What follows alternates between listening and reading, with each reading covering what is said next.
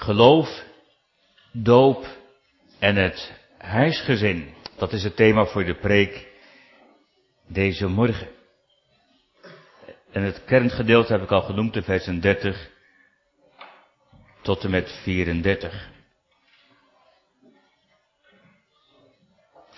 Gemeente van morgen is niet alleen moeder Marieke gedoopt en heeft niet alleen vader Mario beleidenis van het geloof afgelegd, maar zijn ook hun drie kinderen gedoopt. Jullie alle drie. Evelijn, Eva en Loes. En een belangrijk bijbels argument daarvoor is dat het verbond met Abraham wordt voortgezet in de christelijke gemeente. Ik heb de teksten al meerdere malen genoemd uit Galaten 3. Je kunt er denken aan de Efeze brief, de Romeinenbrief en nog wel meer.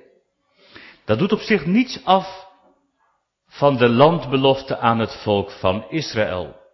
Maar het wil wel zeggen dat de kern van de zaak in het verbond niet beperkt blijft tot Israël, maar breder getrokken wordt in het Nieuwe Testament. En dat ook de gelovigen uit de heidenen, kinderen van Abraham, genoemd worden, zelfs ook erfgenamen, samen met Abraham. De christelijke gemeente deelt in de verbondsbeloften aan Abraham. Dat betekent ook dat de verbondseis functioneert binnen de christelijke gemeente. Belofte en eis. Maar in dat verbond met Abraham horen de kleine kinderen er helemaal bij. In het verbond met Abraham wordt niet gezegd, nou ja, het is te jammer voor de kinderen, dat komt later wel. Of we bedenken dan iets anders, we gaan ze opdragen of zo. Maar in het verbond met Abraham horen de kinderen erbij. Die lijn vinden we terug in het Nieuwe Testament. In Handelingen 16 vinden we zelfs twee verschillende voorbeelden. Het voorbeeld van Lydia, die purperverkoopster, u kent haar wel, en de Heere opent haar hart, staat er dan. En ze gelooft het evangelie en ze wordt gedoopt, inderdaad. Maar er staat er geen punt. Niet alleen Lydia, maar als zij wordt gedoopt ook haar huisgenoten. Ja, zegt u, zijn er dan baby's onder die huisgenoten? Dat weet ik ook niet. Ik weet niet eens of ze getrouwd was. Dat zou best kunnen, dat staat er helemaal niet. Maar, maar waar het om gaat is het principe dat niet alleen Lydia, maar ook allen die bij haar huishouding horen, worden gedoopt. Want het wordt voortaan een christelijk huisgezin. Waarin Christus wordt gediend. Soms zie ik in huizen ook een bordje waar het op staat. Die tekst. Jezus Christus is het hoofd van dit gezin. Nou, voor mij hoeft u dat niet op bordjes te zetten, maar ik hoop dat dat in uw harten leeft. In ieder gezin. Jezus Christus is hoofd van dit gezin. Dat heeft alles met de doop te maken. Ingedoopt in Hem. Nu gaat het vanmorgen over dat tweede voorbeeld, over, over die cipier, die stokbewaarder, die gevangenisbewaarder met zijn huisgenoten. Nou, die cipier is waarschijnlijk een ex-militair.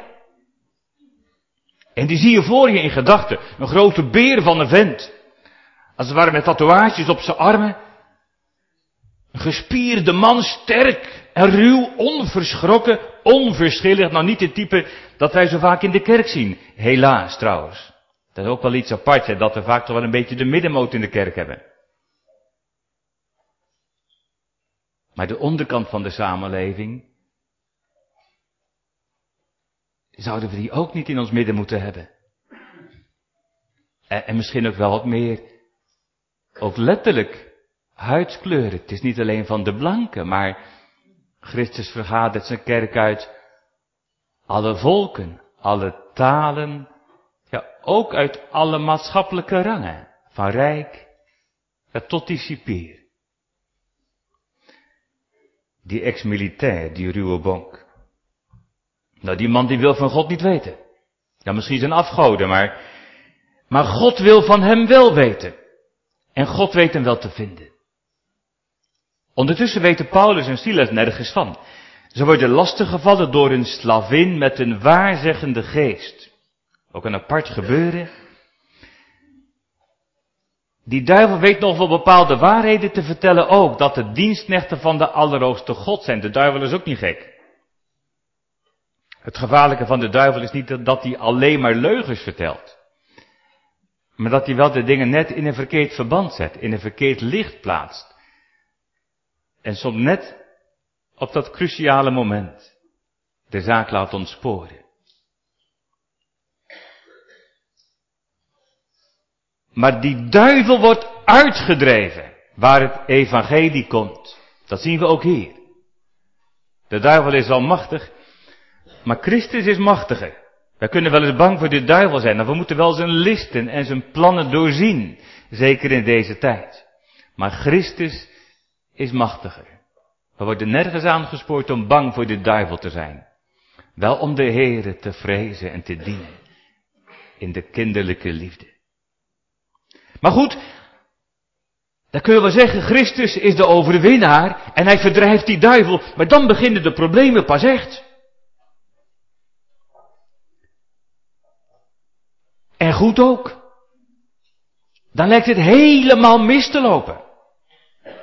Die geldbazen grijpen Paulus en Silas beet en ze sleuren ze mee naar de markt, naar het stadsbestuur en ze staan dan gauw voor de magistraten.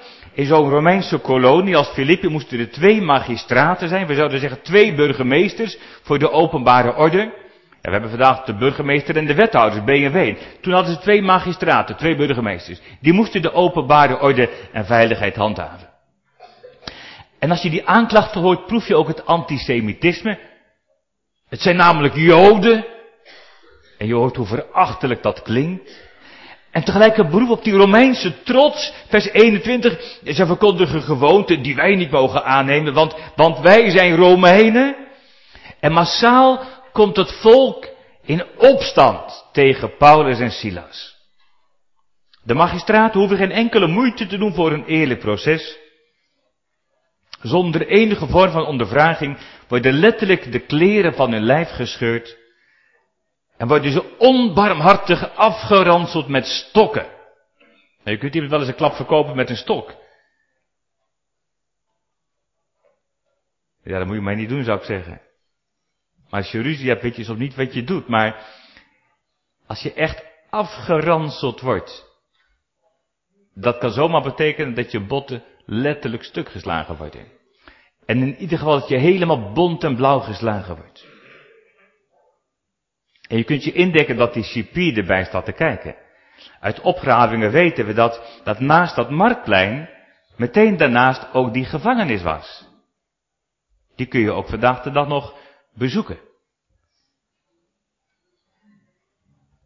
Maar als die beulen en stokken weer opbergen, dan komt die cipier pas echt in beeld. En hij krijgt de instructies om goed voor Paulus en Silas te zorgen, dat we zeggen om ze goed op te sluiten. Het doet me een beetje denken aan een verhaal wat ik pas hoorde van een dochter van een predikant in de Oekraïne. En haar vader was de predikant geweest tijdens het communistische regime. En, en ze vertelde dat toen haar moeder een keer kwam, dat ze werd rondgeroepen.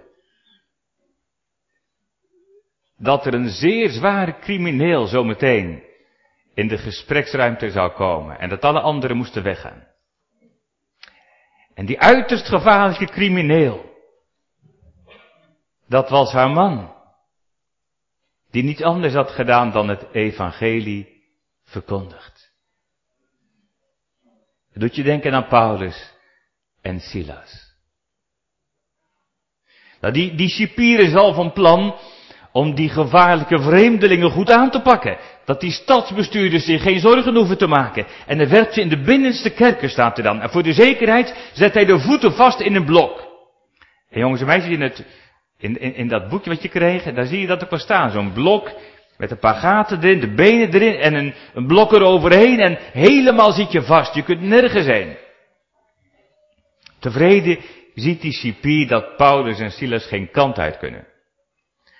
Met een gerust hart kan hij wel gaan slapen. Maar Paulus en Silas, voor hen is er geen slapen bij, dat begrijpt u wel. En jullie jongens en meisjes ook wel, stel je voor. Je kunt wel eens pijn hebben. En dan slaap je niet. Dan krijg je misschien een paracetamolletje of zo. Maar die waren er toen ook nog niet. En, en, en, en daar zul je maar zijn. Heel je lichaam doet pijn. Onder het bloed. Onder de wonden. En ze kunnen zich nauwelijks bewegen. Ze kunnen zich niet omdraaien. Ze zitten vast met de voeten in dat blok. En, en denk je eens in wat er op ze afkomt. Wat is er allemaal gebeurd? Wat moet er nu nog van dat zendingswerk terechtkomen? Ze zijn gegaan, gehoorzaam aan die roepstem, maar, maar alle plannen lijken de grond ingeboord. Ze zijn gebrand met als gevaarlijke criminelen. Wie zal er nog naar ze luisteren? Alles lijkt helemaal te vergeefs. Het lijkt alsof de duivel toch overwint. Maar hoor, luister. Hoort u het ook? Daar klinken stemmen. Daar klinkt gezang, midden in de nacht. En lees maar mee vers 25. Omstreeks middernacht baden Paulus en Silas en zongen lofzangen voor God. Ze bidden en ze zingen. Ja, ze bidden blijkbaar hardop, want ze konden het allemaal horen. Dat is trouwens ook wel mooi. Als je wel eens hardop bidt, dat mag een ander best horen, toch? Hoeft niet altijd stilletjes toch? Een gebed kan ook een getuigenis zijn. En ze zingen. Ja, ze zingen niet dat het allemaal wel meevalt. Je hoeft er niet glorie, halleluja alleen maar van te maken. Daar is de Bijbel veel te eerlijk voor. Want het valt echt niet mee. En we hoeven ook niet te doen alsof Paulus en Silas daar te goed voor waren. Wat moet er door ze heen zijn gegaan in die cel? Dan mag je best beginnen met Psalm 130. Uit diepten van ellende roep ik met mond en hart tot u. De Bijbel geeft ook, ook woorden aan die klacht, aan die vertwijfeling aan die benauwdheid. Uit diepten van ellende. Dat zijn ze letterlijk. En dan de rest erbij. Je kunt u denken aan Psalm 42. Ja, mijn ziel dorst naar de Heer. En dan het vervolg. Oh, mijn ziel, wat buigt ge u neder. Maar ondertussen ben je wel te neergebogen. Voel dat oud vertrouwen weder. Zoek in hoogste lof uw lust. Want Gods goedheid zal u druk eens verwisselen in geluk. Hoop op God slaat oog naar boven. Het is wel iets van wat we gezongen hebben. Psalm 147, vers 6. Die hoe het ook mocht tegenlopen. En wat kan het soms tegenlopen? En dan toch gestadig op zijn goedheid hopen. Wat gaat er veel van uit? Dat mag ook binnen de christelijke gemeente zijn. Dat gaat er veel van uit als je zoiets goeds hoort van de Heer. Maar het raakt hier ook de buitenstaanders, de medegevangenen. En er zullen best echte criminelen bijgezeten hebben. Maar die, die zijn misschien wel eens ontvankelijker voor het evangelie dan keurige kerkmensen. En in ieder geval hebben ze hetzelfde evangelie nodig. Een heldere getuigenis. En al die gevangenen luisteren staat er. Ze horen het verwonderd. En je vraagt je af, zou die cipier wakker geworden zijn? Zou die meegeluisterd hebben? Maar plotseling een dof gerommel. Alles begint te schudden. En er komen wel aardbevingen voor in die streek. Scheuren in de muur, een aardbeving, maar het is geen gewone aardbeving. Er is meer aan de hand. Er staat ook bij dat al die boeien losraken. Dat is nou niet direct van een aardbeving, daar is meer aan de hand. Hier grijpt God in. En als die cipier nog niet wakker was, dan wordt hij het wel. Meteen ziet hij dat de deuren open zijn en hij denkt dat alle gevangenen weg zijn. Weet u wat dat betekent? Dat hij daarvoor op moet draaien. Dat was in die tijd gebruikelijk als een cipier de gevangenen laat gaan dan is het hij in plaats van de gevangene. En daar heeft hij geen zin in. dan maakt hij er liever zelf een eind aan. Hij trekt zijn zwaard om zichzelf te doden. Maar dan een stem. Paulus, een van die Joodse gevangenen. Doe u zelf geen kwaad, vers 28, want wij zijn allen hier. En dan bert die man zijn zwaard weer op. Hij vraagt om licht en hij springt naar binnen. Dan merk je dat het bepaald niet een man was die bang uitgevallen is. Maar die onverschrokken strijder begint helemaal te beven. Want je kunt wel sterk zijn. Maar als je met God te maken krijgt, daar kun je met al je kracht niet tegenop. Hij begint te beven. Helemaal van slag. Wat is er gebeurd? Wat is er aan de hand? Wie zijn die mannen? En wie is die God van wie ze zongen? Hij valt op de grond als het teken van onderwerping. En even later staat hij weer op. Hij neemt ze mee naar buiten en je hoort de spanning in zijn stem. Vers 30. Heren, wat moet ik doen om zalig te worden? Dat Griekse woord kun je ook vertalen als, als gered worden. En, en er zijn best uitleggers die, die zeggen, die man die vraagt eigenlijk alleen maar, hoe kan ik aan de dood ontsnappen? Hoe kan ik in leven blijven? Maar ja, dat hoeft hij eigenlijk niet meer te vragen, want hij heeft zijn zwaard opgeborgen en de gevangenen zijn er op zich nog allemaal. Je krijgt de indruk dat er meer aan de hand is. Dat hij wel beseft, die aardbeving is niet toevallig. Je krijgt de indruk dat hij bang is dat hij de God van Paulus en Silas tegen zich in het harnas heeft gejaagd. En je ziet hem als het ware denken. Als deze God wraak wil nemen, dan is het met mij gebeurd. Hoe kan ik aan die wraak ontkomen, aan de toren van God? Wat moet ik doen om gered te worden? Je kunt je afvragen wat die cipier op dat moment werkelijk weet over God en over Christus en over het evangelie. Het is toch maar de vraag of hij echt iets weet van de Heer Jezus. Paulus en Silas hebben nog heel wat uit te leggen aan die man. En toch is die ruwe bonk een beschamend voorbeeld voor ons. Toch? Want deze man beseft tenminste iets van God. Deze man gelooft echt dat God niet met zich laat spotten.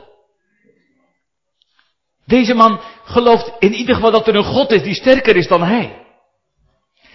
En, en deze man is doordrongen van de ernst van de situatie. Ik ben in doodsgevaar. Want als ik God, die God van die mannen tegen me heb, wie zal mij dan redden? Als het niet goed komt met die God van Paulus en Silas. Dan ben ik verloren. Wat moet ik doen om gered te worden? En ergens weten wij dat allemaal. Als ik u de tekst voorlees uit Johannes 3, wie in de zoon gelooft, heeft het eeuwige leven. Maar wie de zoon ongehoorzaam is, die zal het leven niet zien. Maar de toren van God blijft op hem. Dan blijft u allemaal rustig zitten. En je kunt het honderdduizend keer horen zonder dat het je echt raakt. Ja, dus, dat, dat is waar. En je kunt de waarheid nog verdedigen ook. Maar, maar je leeft ondertussen rustig door. Misschien zelfs zonder God. Onbekeerd. Zonder dat je weet dat het goed is tussen de Heer en tussen jezelf. Je ligt er helemaal niet wakker van. Al ben je niet met God verzoend. En daarom vraag ik vanmorgen ook, geloof je echt? Geloof je echt dat je verloren bent zonder Jezus? Geloof je echt dat je verloren bent, zolang je leeft zonder God? Stel je voor dat die cipier in de oordeelsdag tegen jou, tegen u, tegen mij zal opstaan. En dat die cipier tegen je zal getuigen, omdat hij zich heeft bekeerd. En jij niet.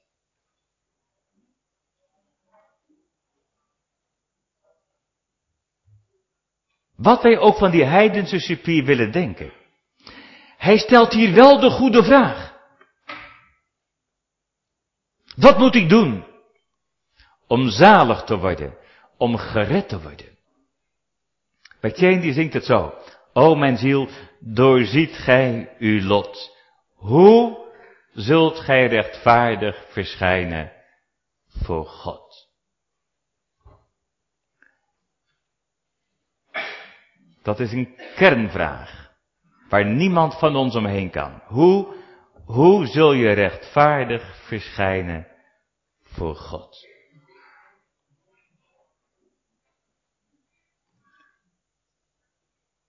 Wat doet de Heilige Geest? Die confronteert je met deze vraag.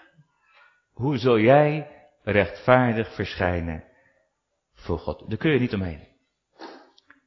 Jullie hebben ook met die vraag geworsteld. Je hebt erover gesproken met allerlei mensen. En dat is ook een voorrecht dat dat mag en dat dat kan op de Bijbelkring, op de beleideniscategorisatie, in persoonlijke contacten, allermeest ook in de binnenkamer, dat is misschien wel het beste plekje, al sluit het een het ander niet uit. Je hebt overal gezocht. Overal antwoorden gezocht. En uiteindelijk heb je het antwoord nergens anders gekregen dan in wat hier staat. Geloof in de Heere Jezus Christus en u zult zalig worden, u en uw huisgenoten. Eigenlijk, eigenlijk zeg je, en jullie zeiden het ook, Eigenlijk is het, is, is het alleen dat. Wat, wat blijft er eigenlijk anders over dan dit alleen? Geloof in de Heere Jezus Christus. En u zult zalig worden. Dat lijkt wel heel erg simpel, vindt u niet? Dat lijkt wel heel erg eenvoudig, toch? Dat lijkt eigenlijk een beetje te simpel om waar te zijn. En misschien is het daarom voor ons ook wel zo moeilijk. Je kunt erover spreken zonder dat je het ziet. Je kunt erover nadenken, je hersens breken zonder dat je het werkelijk ziet. Dan merk je dat dat hele eenvoudige tegelijk ook een geheim van God is. Het is niet een geheim om geheimzinnig over te doen, maar het is wel een geheim van God. We noemen dat het heilsgeheim. Het is een geheim van God dat de Heilige Geest aan je bekend maakt. Daar komt ten diepste geen mens aan te pas. Ook al gebruikt de Heilige Geest allerlei mensen. Jazeker, dat doet hij ook. En dat is ook belangrijk, maar het blijft een geheim van God dat wij nooit in onze vingers hebben. Dat hebben we ook gemerkt ook in de achterliggende tijd. Je kunt het ook elkaar niet geven. Je kunt elkaar de ogen niet openen. En toch gebruikt God dwars door alles heen al die mensen. En al die woorden. En gaat hij toch zijn eigen gang. En als je het ziet, jullie zeiden het zelf, is het zo eenvoudig. Als je het ziet, is het kinderlijk eenvoudig. Wat ook de kinderen zullen het zien. Zei de Heer Jezus niet dat de kinderen de geleerden en de verstandigen voorgaan. En dan, dan, dan begrijp je ergens niet dat je daar zo mee getopt hebt. En dan schaam je je eigenlijk dat je het niet eerder hebt gezien. Wat heb ik eigenlijk klein gedacht van hem? Wat heb ik de Heere verdriet gedaan? Wat heb ik hem tekort gedaan? Dan zie je het zelf. Wat je misschien al honderdduizend keer gehoord had. Omdat Jezus in je leven komt. Laat ik het voorbeeld gebruiken van een drenkeling. Stel je voor, je bent overboord geslagen. En je worstelt in het water. En je probeert wanhopig je hoofd boven water te houden. En je roept om hulp. En je roept om redding. Want je kunt jezelf niet redden. En je denkt misschien, was er maar iemand die een reddingsboei naar me toe zou werpen. En je roept om een reddingsboei. En je wacht op een reddingsboei. Maar er komt geen reddingsboei. Ondertussen zie je niet dat er geen reddingsboei in het water wordt geworpen, maar dat er iemand in het water springt. Er springt iemand achter je aan om je te redden. Maar zolang je spartelt in dat water en om je heen trapt en slaat, en je roept om die reddingsboei, heb je die redder helemaal niet in de gaten. En duw je die redder alleen maar van je af. Want ik wil een reddingsboei. En u begrijpt het wel, die, die redder. Dat kan er maar één zijn. Dat is de Heere Jezus, die zelf gekomen is om te zoeken wat verloren is. Wat is dan het geloof in Hem? Nou, misschien dat, dat ik het zo kan zeggen dat je al het gespartel opgeeft. En je overgeeft in de arm van de redder. Wat is het geloof anders dan dat je zegt, Heer, hier ben ik. Dat je als het ware overgeeft. Je werpt in de armen van Hem. Of laat ik het zo zeggen, dat je je laat redden door de redder. Zonder nog langer te wachten op die reddingsboei die je zelf in gedachten had. Ondertussen vraagt die cipier, wat moet ik doen om zalig te worden? Misschien is dat ook wel zo'n sta in de weg. We denken altijd dat we nog wat moeten doen. En we denken dat we de Heere God een beetje gunstig moeten stemmen. En we denken dat we moeten laten zien dat we gelovig genoeg zijn. En dat we vroom genoeg zijn. En dat het in het gezin goed genoeg op orde moet zijn. En alles erop en eraan. En dan denken wij dat, dat we moeten bewijzen dat we ernstig genoeg zijn. En dat we genoeg berouw hebben. En genoeg geloof. En genoeg bekeerd zijn. En dat we wat kunnen vertellen. En we willen ons bewijzen voor God en voor de mensen. Net als die drenkeling die het hoofd boven water wil houden.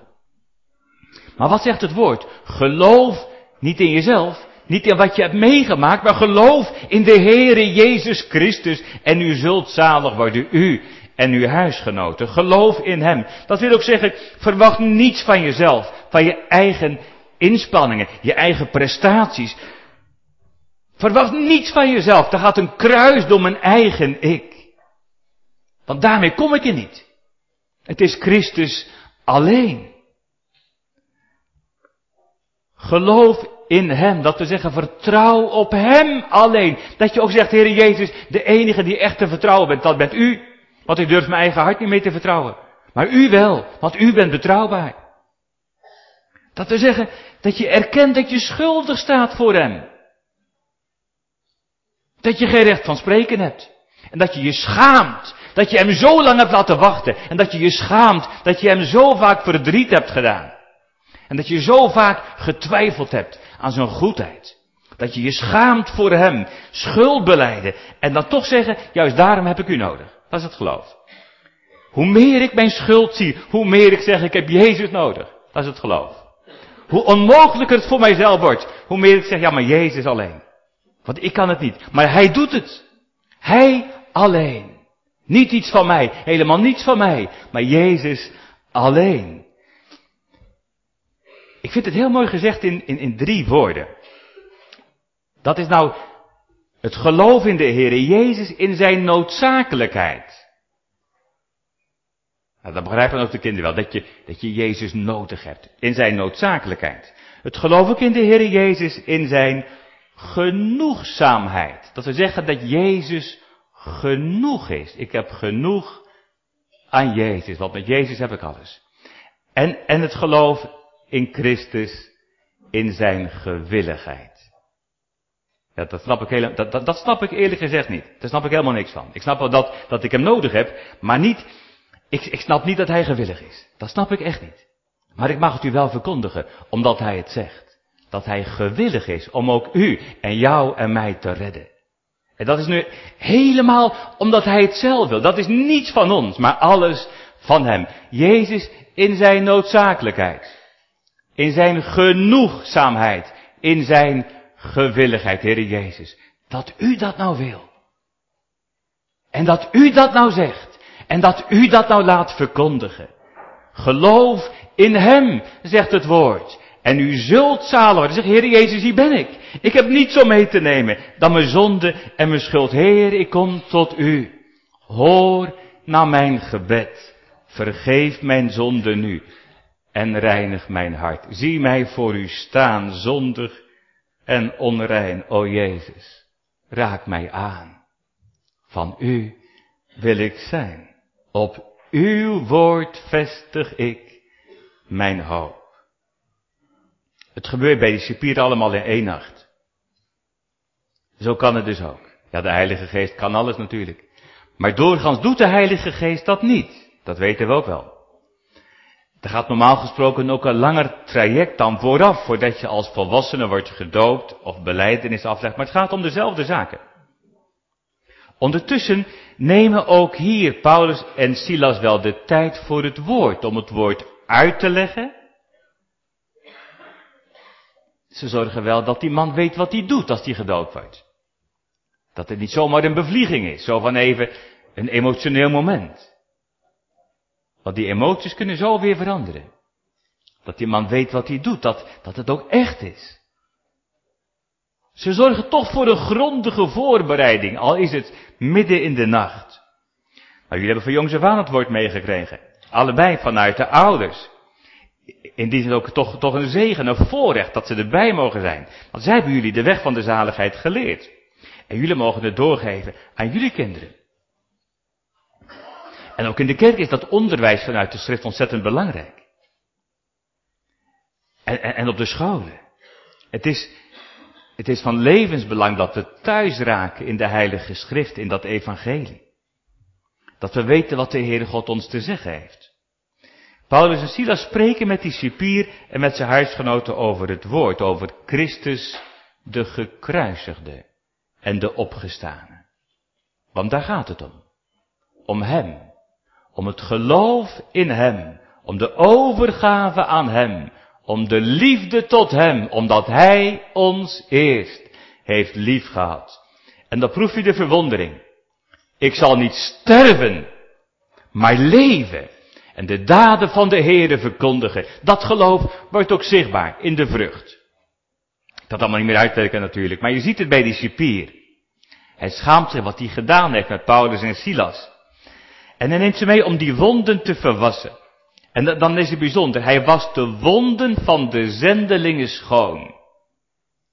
En, en tegelijk wordt hij schoon gewassen van zijn zonde. En nog diezelfde nacht wordt hij gedoopt. Ingedoopt in Christus. Ingedoopt in de naam van de Vader en van de Zoon en van de Heilige Geest. Ingedoopt in de drie ene God als een zichtbaar teken. Je hoort niet meer bij die afgoden. Je hoort niet meer bij de wereld. Je hoort niet meer bij de duivel. Je hoort bij Hem. Hij wordt gedoopt, dat wel met al de zijnen. Allen die bij hem horen. Dat is weer hetzelfde als bij Lydia. Als die cipier wordt gedoopt, ook zijn huisgenoten. En dan weer, zitten daar baby's bij? Dat weet ik niet. Dat kan natuurlijk best. Het gebeurde wel vaak dat zo'n ex-militair dan pas mocht trouwen. Dus het zou best kunnen. Maar dat weet ik ook niet. Dat staat er niet. Dat is niet zo belangrijk. Zijn er kleine kinderen bij? Dat weet ik ook niet. Vanmorgen zijn er ook geen kleine kinderen bij. Want jullie zijn geen kleine kinderen meer, toch? Jullie zijn al best wel groot. Maar jullie zijn er wel bij. Wel de kinderen. Of ze nou klein zijn of groot. Die zijn ook vanmorgen gedoopt met vader en moeder. Het is wel een persoonlijke zaak. De doop en de beleidenis. Een persoonlijke zaak tussen God en ons hart. Maar het gaat tegelijk heel het gezin aan. Dat zien we in de Bijbel, dat zien we ook vanmorgen. Het gaat heel het gezin aan. Ik denk aan de woorden van Jozua. En jongens en meisjes, het duurt een beetje lang, maar dat staat nog in je boekje. Moet je eens even naar kijken. Want wat zegt Jozua? Jozua die zegt niet, ik wil de Heere dienen. Nou, dat zei hij ook wel, maar hij zei meer. Hij liet zijn kinderen niet vrij in hun keuze. Jozua neemt zijn verantwoordelijkheid als het hoofd van het gezin. En Jozua zegt, Jozua 24 vers 15, maar wat mij en mijn huis betreft, wij zullen de Heere dienen. Ja, waren die kinderen allemaal bekeerd? Dat weet ik ook niet. Maar Jozua zegt als het hoofd van het gezin, wij, mij en mijn gezin, wij zullen de Heere dienen. Dat is de Bijbelse gedachte. Dat geeft vreugde. Vreugde in de Heere. En dat merk je bij die cipier. Hij verheugt zich in de Heere. Ze mag er vreugde zijn. Vreugde, ja ook al in de hemel, zegt de Heer, over één zondaar die zich bekeert. Maar ook hier beneden. Vreugde over Jezus. Vreugde dat hij met al zijn huisgenoten tot geloof in God gekomen was. En die vreugde mag er ook vanmorgen zijn. In het midden van de gemeente. En tegelijk ook die aansporing met Jozua. Om de Heer ook te dienen. Dat het geen vormendienst, geen woordendienst, dat het levende werkelijkheid zal zijn in onze gezinnen. Dat het gezinnen zullen zijn waarin Christus het hoofd is. Christus het hoofd van dit gezin. Ook in de gemeente. Christus het hoofd van zijn gemeente. Als een aansporing om de zonde te haten en te vlieden. En zich vast te klemmen aan Christus. Om te blijven bij hem en bij zijn woord. Net als in Psalm 116. God heb ik lief. Want die getrouwe Heer hoort mijn stem, mijn smekingen, mijn klagen. Amen.